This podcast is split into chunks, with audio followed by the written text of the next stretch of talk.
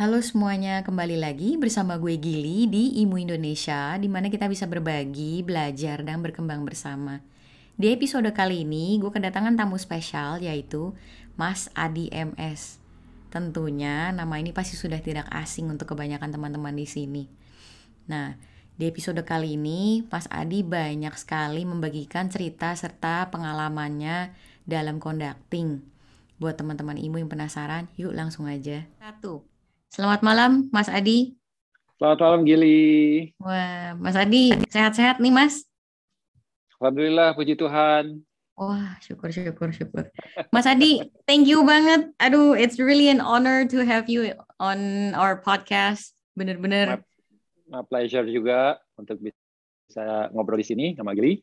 Wah, thank you so much, Mas. Thank you so much. Mas, kita ngobrol-ngobrol yang ringan-ringan aja sih. Pengen tahu nih, Mas Adi nih udah belajar musik sejak umur berapa sih, Mas? Uh, kalau soal proses belajar, sebenarnya nggak ada yang istimewa di karirku ya. Hmm, aku belajar musiknya aja udah telat. Uh, kalau lihat tokoh-tokoh musik tuh umumnya kan uh, kayak Mozart itu umur tiga tahun udah punya catatan karya prestasi yang hebat. uh, yang lain umur 10, yang lain umur 15 udah. Aku umur 12 tahun baru mulai belajar musik. Jadi mulai les piano umur hmm. 12 tahun. Sebelumnya nggak ada uh, pengalaman bermusik apa-apa kecuali uh, suka dengerin musik klasik yang diputar oleh ibu saya yang penggemar musik klasik uh, tante dan uh, apa tuh namanya uh, ponakan gitu. Ya eh, bukan ponakan apa tuh namanya? Sepupu? Hmm, saudara sepupu. Kok susah banget. Sepupu itu uh, belajar piano dia main Chopin dia main Beethoven macam-macam gitu ya. Antara sepupu sama tante ganti-gantian di rumah kakekku gitu. Uh, aku selalu merasakan kebahagiaan dan kenikmatan kalau mendengarkan mereka main, tapi nggak tahu itu apa gitu. Ya itu uh, begitu aku lulus SD ke SMP, uh, uh, mama belikan aku piano, uh, terus semua kakak beradik yang kita berdelapan ya, coba kelentang kelenting, kelentang kelenting, lama-lama yang lain uh, silam surut. aku sendiri yang masih mengasiki piano, ah. terus sampai les piano private uh, itu juga nggak lama cuma tiga tahun kalau nggak salah. Karena aku nggak betah aku orang yang pengen selalu explore sendiri. Uh. pengennya nyari tahu sendiri misalnya dikasih buku waktu itu apa aja aku pelajari terus baru uh, halaman pertama kedua ketiga di rumah tuh aku udah berusaha untuk mainin yang ke-8, ke-10 dan sebagainya. Karena uh, curiosity aja. Ini kayaknya tulisannya asik tapi aku dengan susah payah gitu karena emang belum waktunya tapi berusaha keras untuk menaklukkan gitu terus gitu. Sampai akhirnya aku nggak betah karena dimarahin kalau uh, mencoba main yang belum waktunya. Ah. akhirnya belajar sendiri uh, terus belajar sendiri sampai SMA mulai kenal teman-teman yang bermusik juga tapi kok bukan klasik ya uh, pop atau rock gitu akhirnya di SMA aku ikut band ngerok lah sama Ikang Fauzi waktu itu hmm. sama Paris RM uh, ya kayak gitu gitulah gitu uh, hmm. begitu lulus SMA aku uh, uh, di persimpangan jalan teman-teman semua masuk ke fakultas yang jelas, ya, kedokteran, arsitektur, dan sejenisnya. Sementara aku nggak terpikir untuk uh, ke sana. Uh, aku pengen musik. Uh, nggak kepikiran tua, kuliah musik, Mas? Nah, saat itu kan belum ada UPH, belum ada ini, itu, ini. Cuma ada uh, AMI waktu itu, atau ISI di Jogja. Dan untuk ah. aku keluar Jakarta untuk musik, aku belum belum pengen gitu ya belum nggak kepikiran gitu uh, kecuali kalau papa mau uh, sekolahin aku ke Austria atau ke mana gitu ya sekalian pengen apa explore gitu ya tapi kan nggak disetujui boro-boro mau minta ke luar ya. Oh, jadi, jadi sempat ditentang ya Mas ya kalau misalnya mau ngambil uh, jurusan musik buat kuliahnya. Secara, secara halus uh, ditentang, tapi, uh, tapi orang tua aku bijaksana lah dia nggak tentang langsung gitu, cuma minta aku berpikir kalau aku uh, nanti jadi pemusik makan apa? Ah, stigma yang sama ya jadi, ya berarti ya oh ya uh, musisi itu kan seolah warga kelas 2 lah gitu ya. Hmm. Jadi nggak dipandang lah uh, dan orang tua sayang sama anaknya kan, nggak hmm. pengen anaknya jadi warga kelas 2 atau mungkin nanti jadi susah gitu ya dengan jadi uh, pengamen. nah, maka papa menyarankan untuk kuliah, aku nggak mau kuliah ya paling nggak aku nerusin pabriknya. Papa punya perusahaan pabrik ubin uh, yang cukup besar sih. Anaknya nggak ada yang tertarik, semuanya pengen kuliah yang normal-normal. Uh, perusahaan papa kan Ubin uh, supply ke Gedung Sarinah saat itu, Wisma Nusantara, wow. Sahid Jaya Hotel, pokoknya yang di Tamrin tuh banyak kan terasonya, Ubin terasonya dari papa. Nah, aku diminta teruskan itu. Aku nggak nggak suka gitu, ya, nggak mau gitu. Jadi ya akhirnya pernah ngalamin jadi kasir sih siapa tahu kamu nanti tertarik gitu jadi kasir pun uh, malah uh, nombok terus karena nggak tegaan aku jadi kalau ada kan cash gitu aku ngasih ke yang nyetak ubin tuh uh, dan kayak gitu-gitu tukang-tukangnya gitu ya. Hmm. kalau nggak ada kembaliannya aku bilang ambil aja ambil aja. Tegaan lama-lama kok tekor gini wah nggak bakat. Nggak nggak bakat jadi bisnismen berarti. Hmm, kurang bakat lah nggak tegaan. Nah, akhirnya lama-lama aku bilang papa papa udahlah terima aja. Uh, anggap aja dari delapan bersaudara satu ini yang irregular. Yang defect apa? Ya, yang artinya barang inilah yang enggak patut dijual gitu. Kan cuma satu dari delapan kan nggak apa-apa gue bilang. Dan papa nggak usah keluarin dana lagi stop ngasih aku uh, sekolahin yang lain aja. Uh, aku akan mandiri cuma numpang tidur numpang makan di rumah habis itu aku belajar sendiri mulai mulai dari SMA lulus aku nggak mau di, gak, bukan tanggungan orang tua jadi hmm. nyari duit sendiri dari musik beli hmm. buku uh, terus sampai berapa tahun kemudian malah selalu bisa nabung demikian rupa sehingga setiap tahun aku ke New York, ke LA untuk lihat pagelaran musik, konser musik, Broadway musical, beli buku, beli rekaman. Karena dulu referensi kan susah didapat, nggak kayak sekarang tinggal ceklek uh. dapat YouTube apa aja kita bisa lihat. Dulu kan nggak nyari video aja nggak semudah itu.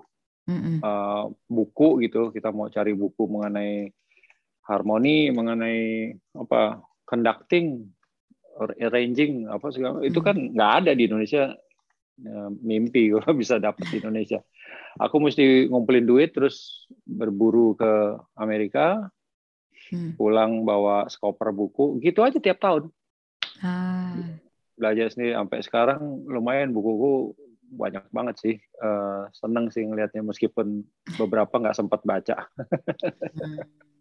Tapi pada akhirnya ini yang pasti Mas Adi, aku kalau lihat di profilnya Mas Adi kan tahun 84 ya, Mas Adi akhirnya mutusin jadi konduktor ya. Itu akhirnya papa sama ibu menyetujui aja ya Mas ya? Uh, sebenarnya pada saat itu ketertarikan aku terhadap dunia orkestra itu kan mulai tahun berapa ya? Sebenarnya uh, mulai tahun tujuh tujuh puluh sembilanan tuh udah mulai lulus hmm. SMA. Hmm. Terus uh, tahun 81 82-an itu mulai ngerjain uh, rekaman di mana uh, passionku tuh kan ke orkes terus gitu. Nah, itu aku belajar sendiri nulis mulai nulis string section dari rekaman ini tuh gitu. Antara lain rekaman uh, Utali Kumahua. Oh pada saat itu Vina Panduwinata. Hmm. Uh, jadi uh, learning by doing ya. Hmm. sambil nulis. Ya, kalau pernah dengar lagu September Ceria itu kan ada Oh, pernah stringnya yang. Nah, oh. saat itu nggak lazim or, eh, rekaman pop dengan orkestra organik tuh ya eh, nggak lazim lah gitu. Tapi nggak tahu aku saat itu kan masa sulit ya, di mana aku lagi struggling gimana bisa hidup tanpa uang orang tua, tapi belum laku-laku amat jadi musisi kan. Terus, eh, tapi nggak tahu begitu ditawari album Vina Panduwinata Heeh. tahun 82, aku kok eh, punya apa syarat yang kalau sekarang aku ingat-ingat itu aku geleng-geleng kepala, belagu banget gitu ya. Jadi syaratnya aku bilang sama Pak Jackson Arif yang punya record label Jackson Record itu, eh, saya mau tapi harus orkestra dan orkestranya saya pengen di Filipina. Oh, Wow. karena waktu itu kan aku udah ada interaksi beberapa kali dengan orkestra musisi orkestra di sini yang kadang kalau ada kesulitan yang disalahkan tulisannya. Ini terlalu pianistik, kurang violistik apa segala macam pokoknya. Tapi kok aku perhatikan di rekaman lain luar gitu ya kok ada gini nggak ada masalah kok di sini kok jadi katanya salah nulisnya apa gitu. Pokoknya kayak gitu Hmm. yang bikin sedemikian rupa sehingga aku ditawari bikin Vina Panduwinata syaratku cuma harus orkes dan orkesnya Filipin supaya aku bisa eh, belajar Hmm. nanti di sana aku akan kasih hal-hal yang di sini dibilang nggak bisa dan awalnya ditolak eh, jadi eh, aku diketawain lah gitu anak bawang anak kemarin dikasih kesempatan udah belagu gitu ya istilahnya gitu ya. tapi karena aku bersikeras akhirnya aku bilang eh, Pak Jackson nggak usah bayar aku lah. Eh, aku mau dibayar berapa sih? Kalau itu cukup buat bayarin eh, aku terbang ke Manila sendirian eh, bayar orkes hotel segala macam studio eh, aku nggak usah dibayar nggak apa-apa. Udah deal. Akhirnya jadi aku sendirian bawa. Sekarang kan pakai hard disk yang kadang-kadang kecil banget dulu pita 2 inch itu gelondongan gitu so, mesti bawa berat banget. Aku bawa sendiri nggak ada asisten nggak ada apa. Saya booking hotel sendiri booking studio booking musisi sendiri aku lakukan. Wow. Luar Terus, biasa. eh, di sana mulai coba mimpin itu orkestranya buat rekaman sih. Eh, ya lagunya yang di dadaku ada terus ada September ceria kayak gitu Eh, pulang Mhm. ternyata album itu sukses meledak nah sejak kesuksesan album itulah besok besokannya aku dipercaya kalau minta harus ada orkes nah dikasih dana orkestra Ah. sebelumnya jadi mulai dapat eh, fee mulai dapat honor mulai terima Nice. honor Wow, nice, nice, nice. Terus ini kalau aku lihat profilnya Mas Adi lagi kan eh, Twilight Orchestra tuh TO tuh dibentuk di tahun 91 ya Mas ya. Sebenarnya apa nih yang akhirnya bikin Mas Adi tuh akhirnya memberanikan diri, ya udah deh aku mau bikin orkes nih. Terus visi misinya Mas Adi nih dari membentuk TO apa nih Mas? Eh, kebanyakan karirku kan berjalan naturally begitu ya. Eh, aku cuma ngikuti kata hati aja. Dan prinsipku yang aku ulang-ulang selalu nggak nggak ribet-ribet, nggak filosofis, nggak apa sederhana sekali. Aku eh, melihat hidup itu karunia dan kita cuma dikasih sekali, sekali dan singkat. Katakanlah aku bisa sampai 100 tahun, 100 tahun pun singkat banget. Dilihat perjalanan peradaban manusia itu 100 tahun tuh singkat banget ini. Nah, yang singkat itu aku harus isi dengan sebaik-baiknya. Membahagiakan pertama dan membahagiakan orang. Membahagiakan diriku diri diriku sendiri yang pertama. Aku bukan orang yang terlalu mulia berkorban terus untuk orang lain. Uh, aku pikir aku seperti kalau di pesawat kan kita mesti pakai seat belt dulu, mengamankan diri sendiri, sendiri sendiri dulu, baru anak kita gitu. Karena kalau kita coba nyelamatin anak kita, baru lagi tiba-tiba ada apa-apa, kitanya cilaka, anak kita nggak ada yang nyelamatin.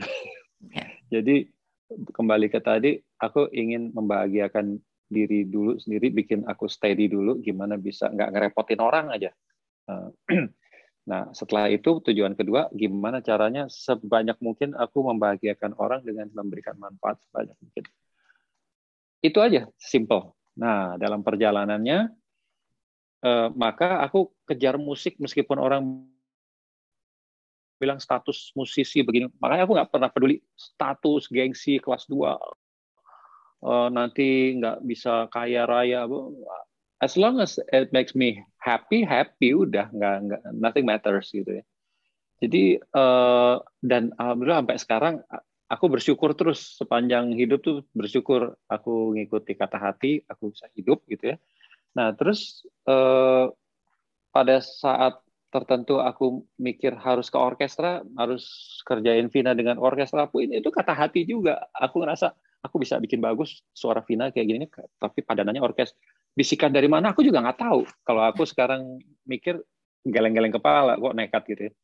Nah, simply ngikuti kata hati aja. Terus uh, tiba-tiba ditawari memimpin orkes di Chili. Padahal aku baru berarti baru empat tahun berkiprah di musik ya.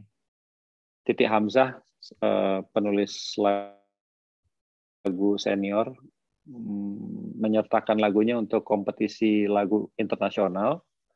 Uh, terus uh, kemudian uh, aku disuruh aransemen, aku aransemen, udah jadi.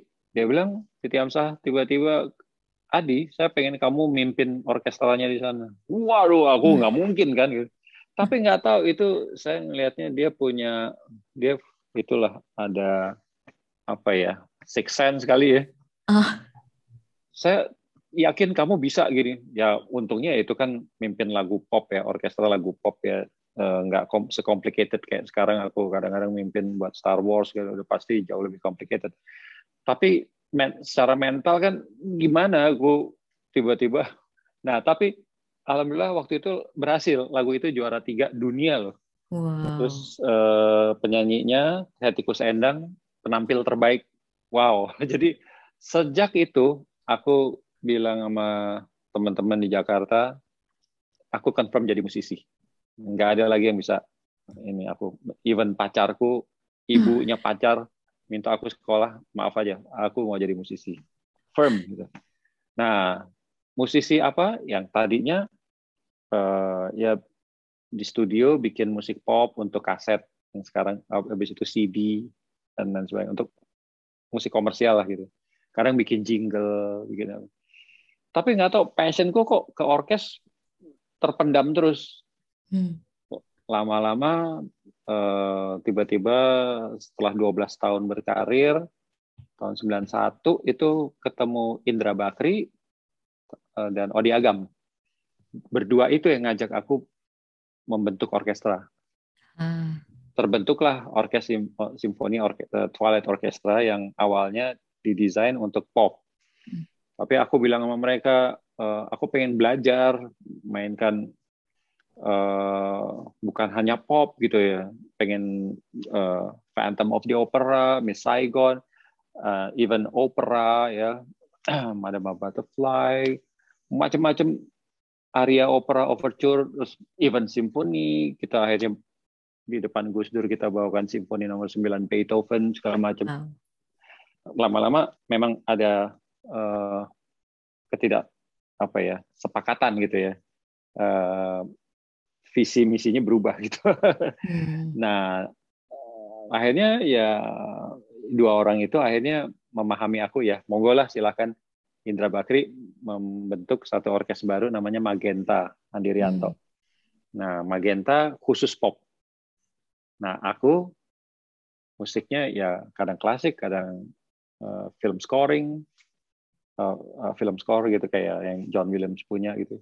Kadang pop juga gitu. Nah, jadi tetap simfonik, cuma ya kalau di Amerika itu sebutannya Pops Orchestra. Di Amerika itu ada hmm. Boston Pops Orchestra yang mana John Williams pernah jadi music director juga. Ada Cincinnati Pops, ada New York Pops gitu ya. Artinya orkes simfoni, simfonik. Hmm. hmm line up atau instrumentasinya atau formatnya itu orkes simfoni. Cuma tidak terbatas hanya overture, eh, concerto, simfoni, tapi ya Star Wars kita bisa Star Wars bisa apa aja Godfather apa atau Phantom of the Opera Saigon Les Mis hmm. atau musik pop atau lagu-lagu daerah hmm. lagu perjuangan gitu. Oke, jadi menurut Mas Adi nih sebagai seorang konduktor nih sebenarnya apa sih yang dibutuhkan dari sebuah orkestra supaya bisa perform dengan baik? Yang dibutuhkan oleh siapa? Orkestra atau konduktor? Uh -uh sebuah grup orkestra? Oh, grup orkestra. Mm -hmm. uh, banyak ya. Um, yang pasti yang pasti manajemen dari orkestra tersebut harus benar kayak kita mengendarai mobil ya harus ya butuh supir yang bagus dan juga butuh kendaraan yang Eh, prima itu kondisi mesin dan lain sebagainya. Kalau bannya kempes, walaupun Rolls Royce tapi kempes gitu, nggak bisa jalan. Uh, sebaliknya si drivernya mungkin pembalap kelas dunia mungkin ya tetap aja sorry tetap aja nggak nggak bisa maksimal gitu dalam hal ini uh, orkestra dengan manajemennya dan konduktor eh, sama-sama penting gitu. Saling tunjang nah, menunjang ya, nggak ada yang lebih penting ya. satu di antara lain ya? Enggak, uh, si orkestra uh, mesti dalam keadaan prima, uh, si uh, apa latih tempat latihannya harus uh, baik gitu, sama juga mau Rolls Royce tapi kalau jalanannya rusak ya dia nggak nggak bisa maksimal dan kita nggak bisa mengendarai atau me, ada di dalamnya dengan nyaman. Tetap aja jadi nggak nyaman kan kalau jalannya nggak bener. Di sawah gitu. Nggak bisa jalan gitu. Kita latihan orkestra di tempat yang berisik panas gitu ya. Emang ribet sih jadinya orkestra mesti uh, akustiknya mesti baik. Nggak ganggu luar, luar nggak ganggu dalam suaranya, kemudian udaranya nggak terlalu pengap, berarti mesti ada eh, AC. Padahal kalau uh, ruang seperti itu besar untuk menampil apa, me, wadah, me, apa menampung uh, orkes katakanlah 50 orang atau 70 orang kan berarti besar, pastinya sewanya mahal. Hmm. Terus nanti si orkestra uh, butuh makan, nah kita mesti siapkan uh, apa namanya akom apa makanan konsumsi. gitu ya hmm. konsumsi meskipun sebenarnya di luar negeri banyak yang latihan tuh nggak si manajemen nggak siapkan konsumsi tapi kebiasaan hmm. di sini begitu gitu terus uh, uh, apa namanya penjadwalan latihan gitu ya untuk membuat satu jadwal kadang sebagian besar nggak bisa wah si manajemen mesti berpikir keras entah digeser jamnya, entah digeser harinya. Jangan sampai uh, latihan tetap diselenggarakan meskipun ada resiko sebagian nggak bisa, berarti nggak efektif latihannya. Jadi manajemen eh, cukup kompleks lah gitu ya. Nah, di konduktor juga ya si konduktor ya pastinya harus tahu teknik dasar uh, gerakan apa segala macam terus uh, bagaimana mengkomunikasikannya dengan baik melalui gerakan tangan, facial expression uh, dengan verbal uh, yang efisien dan efektif bagaimana gitu. Dan juga uh, dia juga harus melakukan score study yang uh, thoroughly gitu, yang uh, komprehensif gitu ya jangan sampai latihan terselenggara sebelum si konduktor mempelajari partitur. Hmm. Sering tuh. Ah. ya kalau karyanya karya standar kayak simfoni nomor sekian, Brahms, apa segala macam gitu ya. Ya kalau si konduktor udah sering main di mana-mana, apa bawakan itu ya uh, oke okay deh nggak usah skor study lagi atau cuma sekelebat itu mungkin ya. Tapi uh, dalam banyak hal, banyak uh, peristiwa, aku di orkestra sering kali um, apa menampilkan lagu yang baru dibuat aransemennya gitu. Ya pastinya harus dipelajari meskipun itu bukan tulisannya Mozart gitu. Itu tulisannya arranger hmm. baru misalnya tapi mau ditampilkan di penampilan kita di konser kita. Si konduktor wajib mempelajarinya dengan seksama mengantisipasi di mana kesulitan yang akan mungkin timbul Bagaimana solusinya? Gitu ya. Harus siap. Jadi begitu nanti akhirnya ke latihan, si konduktor nggak latihan. Di latihan konduktor performs. Yang hmm. latihan mereka. Nah, kalau konduktor masih ini apa sih? Ini apa sih? Wah, itu konduktornya nggak benar. Jadi konduktor harus uh, menjadi pengarah gitu. Ya. Bagaimana bisa dia mengarahkan kalau dia sendiri baru mempelajari ini apa gitu. Dia harus uh, siap. Nah, nanti pada saat mengarahkannya pun konduktor harus uh, apa namanya? Hmm, punya kepekaan atau melatih kepekaannya terus-menerus untuk mendetek di mana permasalahan. Uh, in a split second, dia mengarahkan apa yang dia pelajari waktu skor study tadi di rumah berhari berminggu-minggu gitu ya, eh, menjadi satu eh, konsep interpretasi. Misalnya eh, Beethoven nomor 5 gitu ya itu kan udah sering kali dibawakan. Tapi nggak pernah sama konduktor A B C itu nggak masing-masing punya konsep interpretatif. Nah, dia harus pelajari, dia mesti tahu maunya apa gitu. Nah, maunya itu dia harus bisa sampaikan pada saat latihan secara verbal, secara gerakan tangan, tubuh, ekspresi wajah secara efektif. Kalau karena conducting is an art of communication. Jadi hmm. ada yang konduktor kayak siapa Richard Strauss misalnya, dia komponis, tapi dia konduktor juga. Dia konduknya ya, kadang cuma begini-gini, minim sekali geraknya. Tapi kalau efektif, kenapa enggak? Ada yang hmm. koreografis kayak Leonard Bernstein, wow. Hmm. Tapi efektif, kenapa enggak? Jadi hmm. masing-masing konduktor punya style masing-masing gitu. Kita nggak bisa menyamakan uh, ya like and dislike ya. Ada orang yang suka sama gayanya si A si B ada yang ah aku nggak peduli gaya yang penting merem apa yang terdengar itu enak nah, tapi kan orang macam-macam ya yeah. kembali ke tadi eh, bagaimana si konduktor itu mengkomunikasikan konsep yang ada di kepala tadi ke musisi secara efektif dengan hmm. verbal narasi apa dengar kata-kata kemudian dengan kadang-kadang alis begini-gini aja. ada satu uh, waktu dulu aku ikut master class conducting gitu, uh, sampai tanganku dipegang sama dia, terus aku nggak boleh ngapa-ngapain kecuali gerakan wajah. Untuk Facial expression ya berarti. Pianissimo. Oh. Jadi uh, ya aku aku nggak nggak bilang aku ahli semua semuanya. Aku pun sampai hari ini masih belajar. Aku merasa masih belajar.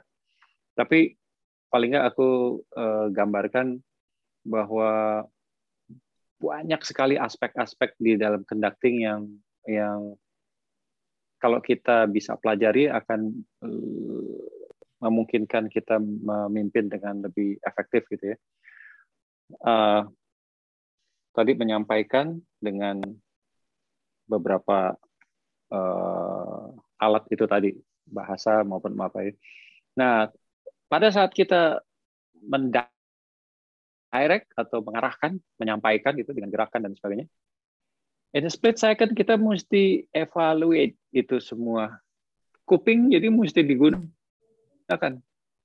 Ada konduktor yang begitu asiknya gerakan yang koreografis atau yang kelihatan gaya yang atau menyampaikan dengan baik eh, interpretasi dalam hal tempo, dinamika segala macamnya. Tapi dia nggak mendengarkan apa hasilnya. Hmm. Jadi ada yang benar begitu uh, main sesuai tempo, tapi tiba-tiba intonasinya ada masalah di sana sini di note ini ada ada yang salah, dia salah baca di itu. Kalau dia terlalu asik, dia bisa abai atau luput hal itu luput. Hmm. Nah nantinya ada kok ada yang kayak gitu. Begitu konser dia merasa dia sukses karena dia bisa tampil gaya gitu ya.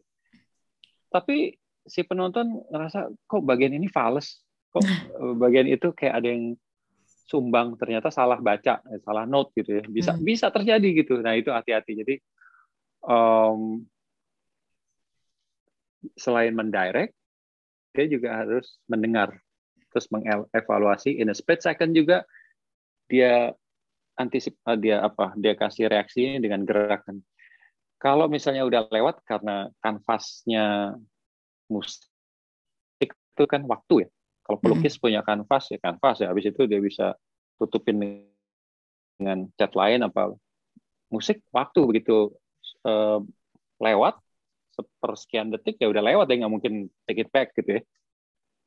ya. Uh, nah itu kadang kalau latihan nggak bisa diapa-apain, dia harus ingat satu dua, oh ini salah ini. Nanti aku kasih catatan ke sini. Dia solusinya begini. Sambil terus kondak, sambil terus dia ini. Nah, begitu waktu yang tepat, dia stop, dia akan uh, bahas tiap masalah. Uh, biola satu tadi kamu mainnya begini, begini, begini cello gini-gini nih. Kamu tadi kalau bagian sini kesulitan untuk adjust tempo, retardadonya, kamu bisa patokan dengar uh, simbal di situ atau dengerin trompet di nadanya di bagian situ patokannya itu ya itu ya terus uh, tadi seper 16-nya kamu kayak triplet ini mesti begini begini jadi uh, konduktor harus memanfaatkan waktu seefisien mungkin dia nggak bisa buang sedetik pun gitu.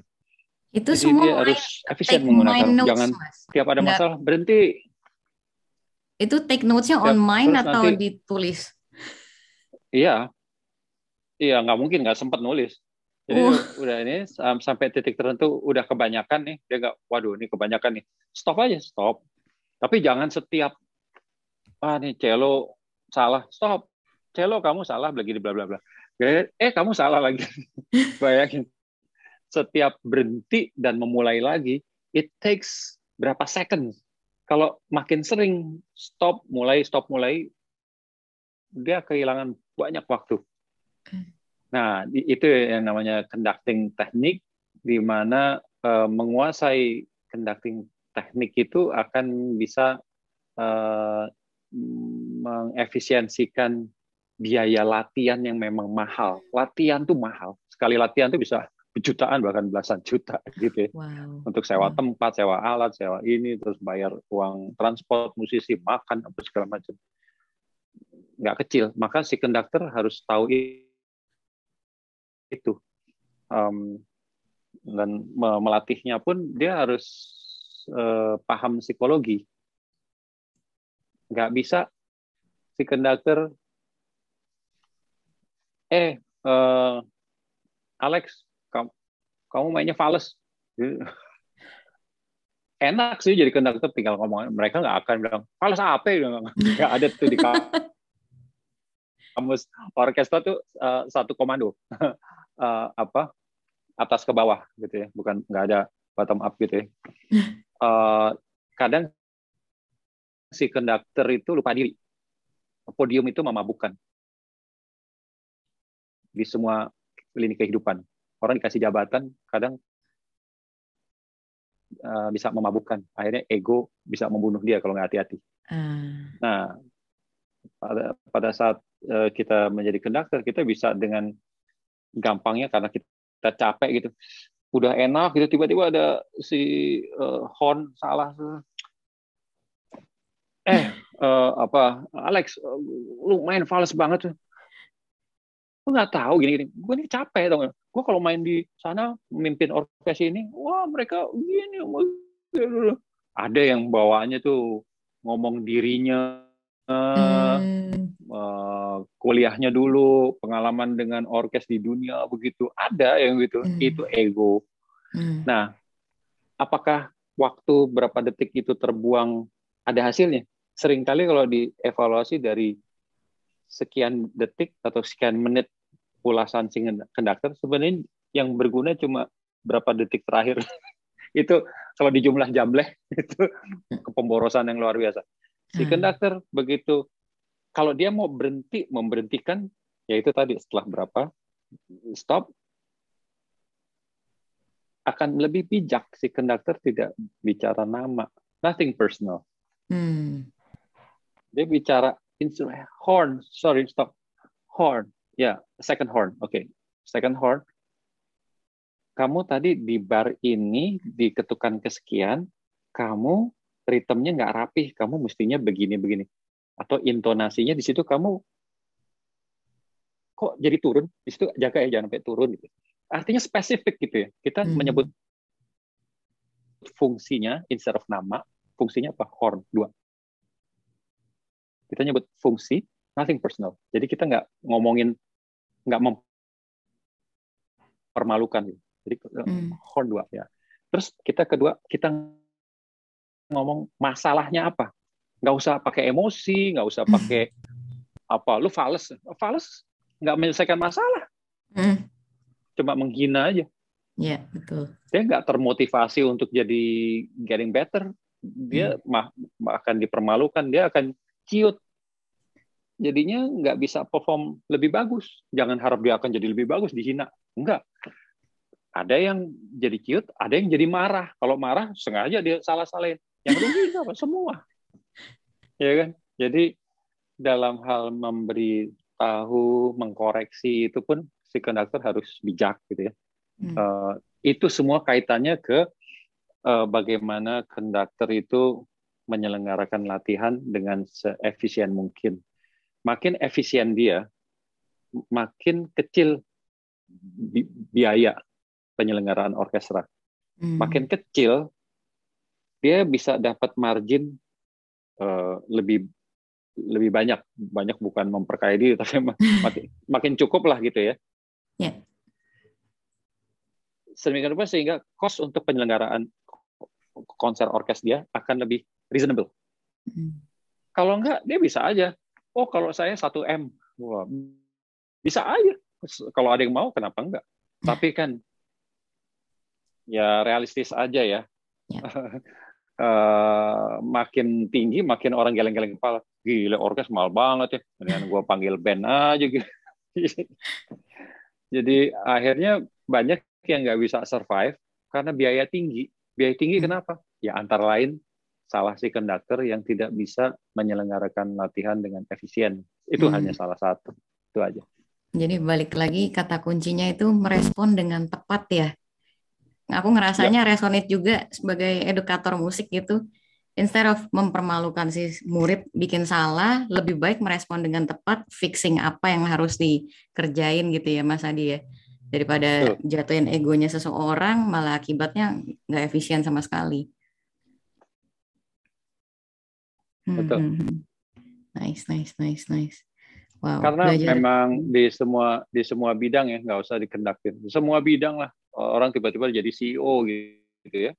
Kalau dia nggak kuat, ya tiba-tiba ada pengawal, ada sekretaris, ada ini itu disediain itu ya bisa hidung jadi naik gitu ya. Itu itu di bidang apa aja lah, di bidang apa aja gitu. Orang seneng untuk uh, mengamankan dirinya. Biasanya karena insecurity feeling gitu, karena dia minder, karena dulu pernah susah uh, apa segala dia insecure gitu. Untuk menutup tutupi insecurity itu dia bikin apa barrier gitu ya. Supaya orang nggak bisa colek dia gitu. Jadi udah pakai benteng aja gitu. Dengan ujaran yang otoritatif gitu ya. Oh, apa hmm. um, kayak gitu gitu. Hmm. uh, secara umum memang udah uh, berubah sih ya kalau dulu dulu tuh memang ada zamannya konduktor-konduktor di awal abad 20 ya. Arturo Toscanini ada Herbert von Karajan ada macam-macam itu gayanya kan dulu begini serem gitu ya. Kadang-kadang bisa teriak Toscanini itu bisa teriak dari jauh wah ah, bego lo apa gitu uh, uh, nggak nggak ada yang berani ngelawan. Hmm. di apa Karayan juga mau teriak apa udah kayak dewa dulu. Tapi makin ke sekarang makin beda kulturnya. Uh, sekarang lebih egaliter lebih uh, menampilkan posisi yang sama. Hanya kamu kebetulan jadi rank and file. Saya lebih kamu sebagai prinsipal kamu sebagai konsep master, saya sebagai konduktor. Tapi kita sama-sama hmm. uh, musisi yang harus making music gitu ya.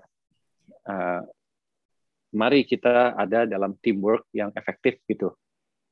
Uh, kalau dulu kan nggak kayak ini dewa. Sekarang udah nggak nggak ada lagi. Kalaupun ada, aku rasa nggak akan survive gaya begitu. Sekarang hmm. jadi pemimpin pun di dunia begitu. Kalau dulu sistem uh, kerajaan kan orang bisa yeah. wah sesadis itu. Sekarang jadi presiden, jadi pemimpin apa pun ini eranya era kolaboratif, yeah, era kebersamaan. Setuju. Gitu. Oke okay, oke. Okay. Terus Mas Adi pengen nanya lagi nih, sebagai seorang hmm. musisi, menurut Mas Adi nih seberapa penting sih peran musik di kehidupan seseorang? Uh, tentunya beda-beda ya. Ada orang yang nggak dengerin musik sebulan nggak apa-apa tuh. Tapi ada yang sehari nggak dengerin musik, dia udah seperti nggak nggak napas gitu. Kebutuhan orang beda-beda. Jadi saya nggak bisa menyamakan karena saya tergantung pada musik apa dan saya butuh musik segitunya gitu tapi saya anggap itu yang nomor satu untuk semua orang ya nggak bisa juga ya. Uh, yang pasti adalah musik suara musik itu mempengaruhi kejiwaan atau mood semua orang.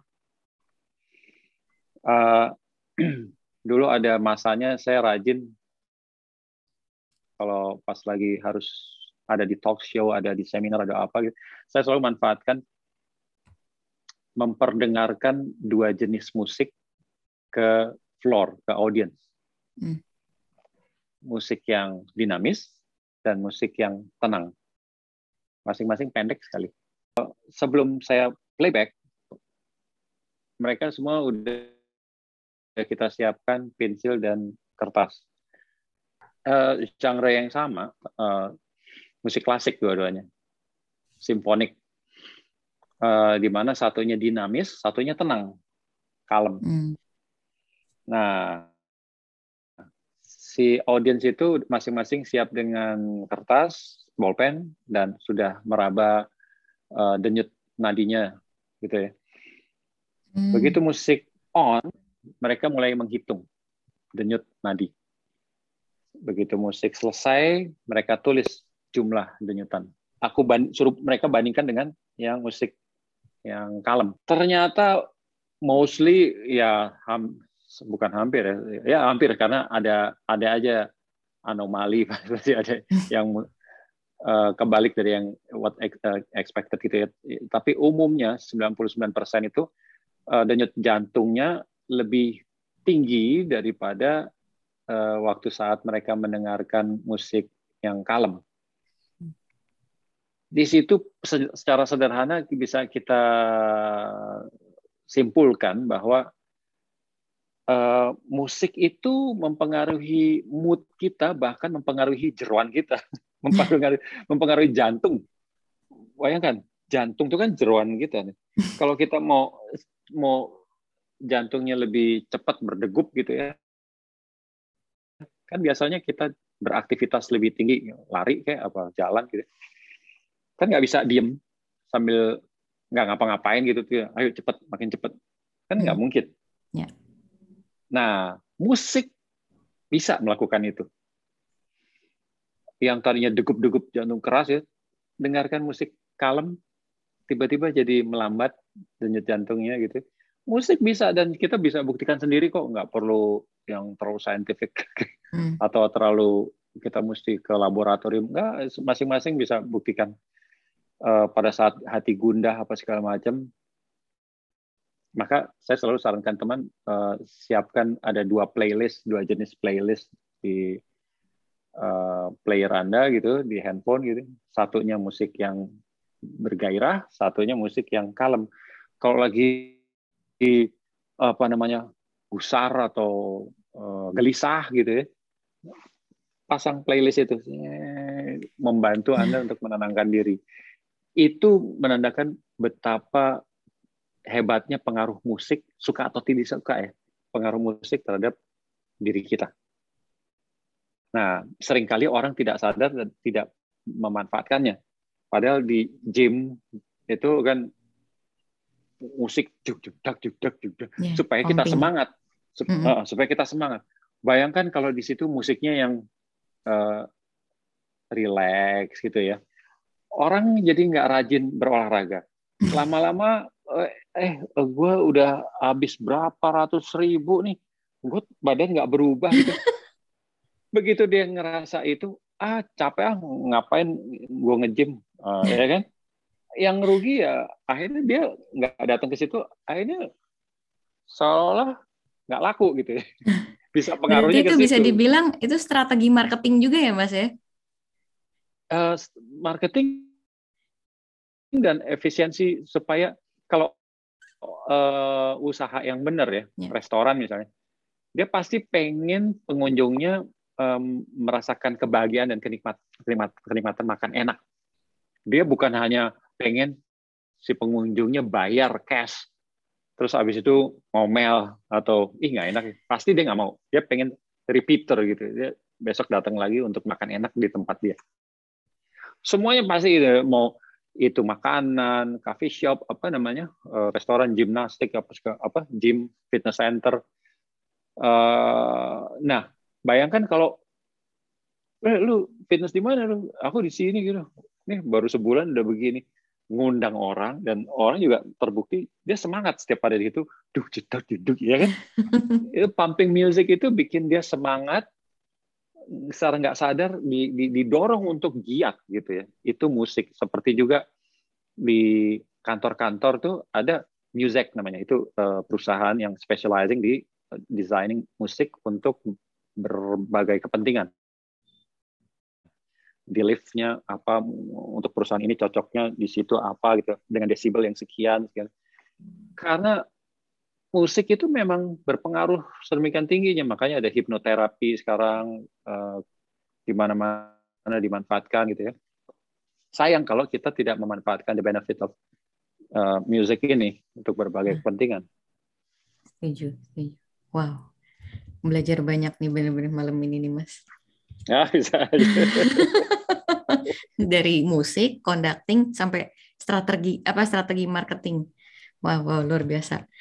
Mas Adi, jadi ada ini nggak Mas? Kalau apa uh, wajangan buat teman-teman IMU di sini gitu. Misalnya mereka bilang, aduh pengen nih jadi konduktor atau musisi yang berhasil nih kayak Mas Adi nih. Kira-kira ada nggak Mas nih wajangannya? Hmm, ya kembali ke statement aku di awal itu, hidup cuma sekali, uh, hiduplah yang sebahagia mungkin dan membahagiakan orang. Buat saya kebahagiaan yang membahagiakan adalah membahagiakan orang lain. Jadi kalau kita bisa membahagiakan orang lain berarti kita udah bahagia kan. Nah, gimana caranya kita bahagia? Follow your heart.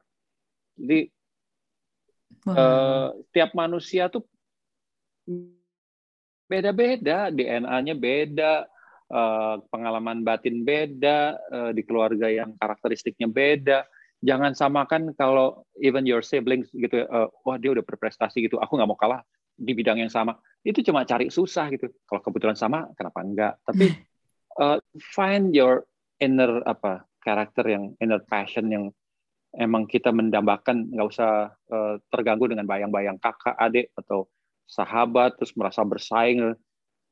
Kita dilahirkan unik kok tiap manusia tuh uh, temukan itu temukan jati diri kita terus kejar uh, dengan sungguh-sungguh. Jangan setengah-setengah nggak ada waktu untuk setengah-setengah hidupnya. Tapi bukan artinya dikejar nggak setengah-setengah terus akhirnya kita lupa untuk uh, santai menikmati dunia. Jangan juga. Hmm. coba uh, kalau lihat banyak orang yang meninggal meninggalkan harta demikian menggunung gitu tapi seingat kita sepanjang hidupnya dia nggak pernah nikmatin. Ngapain? Iya betul betul. Jadi kejar uh, your passion gitu ya uh, dengan sungguh-sungguh gitu. Tapi jangan lupa uh, bermain juga apa menikmati hidup gitu ya sehingga anda bahagia. Nanti kalau udah bahagia mengerjakan uh, studinya atau bekerja dengan sungguh-sungguh kan ujungnya pasti membahagiakan orang lain. Betul, betul. kalau kita punya perusahaan besar kita kan bisa bikin perusahaan kita menguntungkan orang lain dengan membuka lowongan pekerjaan. Iya, betul. Bisa bikin manfaat buat orang lain gitu. Setuju, Mas. Wah, luar biasa nih. Mas Adi, ini kita udah di penghujung acara. Satu pertanyaan terakhir lagi. Kira-kira nih apa nih impian seorang Adi MS ke depannya? enggak, enggak, enggak muluk. Saya sering dapat impian. Ini, ini enggak ada sebenarnya. Saya pengen jalanin hidup apa adanya aja ya uh, dengan berusaha selalu menyenangkan setiap siapa pun yang dia ada. Seperti Gili minta saya ngomong di sini Thank you. kalau saya kalau saya bisa lakukan kenapa enggak? Gitu ya. Eh, kadang waktunya nggak mungkin atau apa. Tapi kalau mungkin ya ya mengalir aja. Besok saya diminta untuk ini itu. Di sini tiba-tiba dapat rezeki di sini harus memberi uh, the more you give, the more you can take gitu ya. Apanya? The more you give, the more, yes. more you get gitu ya. Itu kan prinsip yang aku percaya dan aku buktikan gitu. Ya. Nikmati aja udah. Jadi nggak ada target apa-apa. ya salah sih kita mesti kalau ada target uh, itu paling ya aku uh, hargai teman-teman yang hmm, ada semacam ada sense of competition gitu yang uh, ini kekayanya udah sekian ratus m temen ini udah berapa puluh kalau aku sumpah lo aku nggak pernah kepikiran itu aku pikir legacy aku pengen hmm. kalau aku hmm. udah nggak ada aku ninggalkan legacy di sana di sini di sini jejak hmm. bahwa hidupku nggak percuma gitu ya uh, dulu aku mikir musik untuk nyari duit ya supaya diakui orang iya supaya dianggap bahwa eh lihat uh, uh, itu pendapat bahwa musisi nggak bisa makan itu salah. Aku terus cuma pengen membuktikan itu aja. Lama-lama capek. Hmm. lama-lama aku pikir kebetulan ada timingnya juga yang tepat gitu seminggu depan sehingga aku bisa berkontribusi uh, mulai lagu Indonesia Raya tahun 97 aku lihat kok Indonesia Raya yang dipakai rekaman udah hampir setengah abad, udah kresek-kresek kok negara nggak memperbaiki. Akhirnya aku bikin, jadi nggak tanpa uang negara, yang akhirnya aku rekam ulang dan sekarang di sampai hari ini rekaman itu dia dipakai. Nah, nice. sejak itu ada motivasi yang muncul, aku bikin lagu perjuangan, bikin oh, banyak lagu daerah, uh, aransemen ya, uh, hmm. mengemas kembali lagu-lagu daerah, lagu-lagu perjuangan, terus belakangan jadi banyak bikin Mars, aku bikin Mars buat TNI, himne Mars dan himne ya, buat TNI, buat hmm. Garuda Indonesia, Bank Indonesia, Mahkamah Agung, Kemendagri, Kemenhub, Kemenaker, macam-macam eh, itu yang aku pikir kenapa lebih nikmat itu karena it's not just about money gitu, hmm.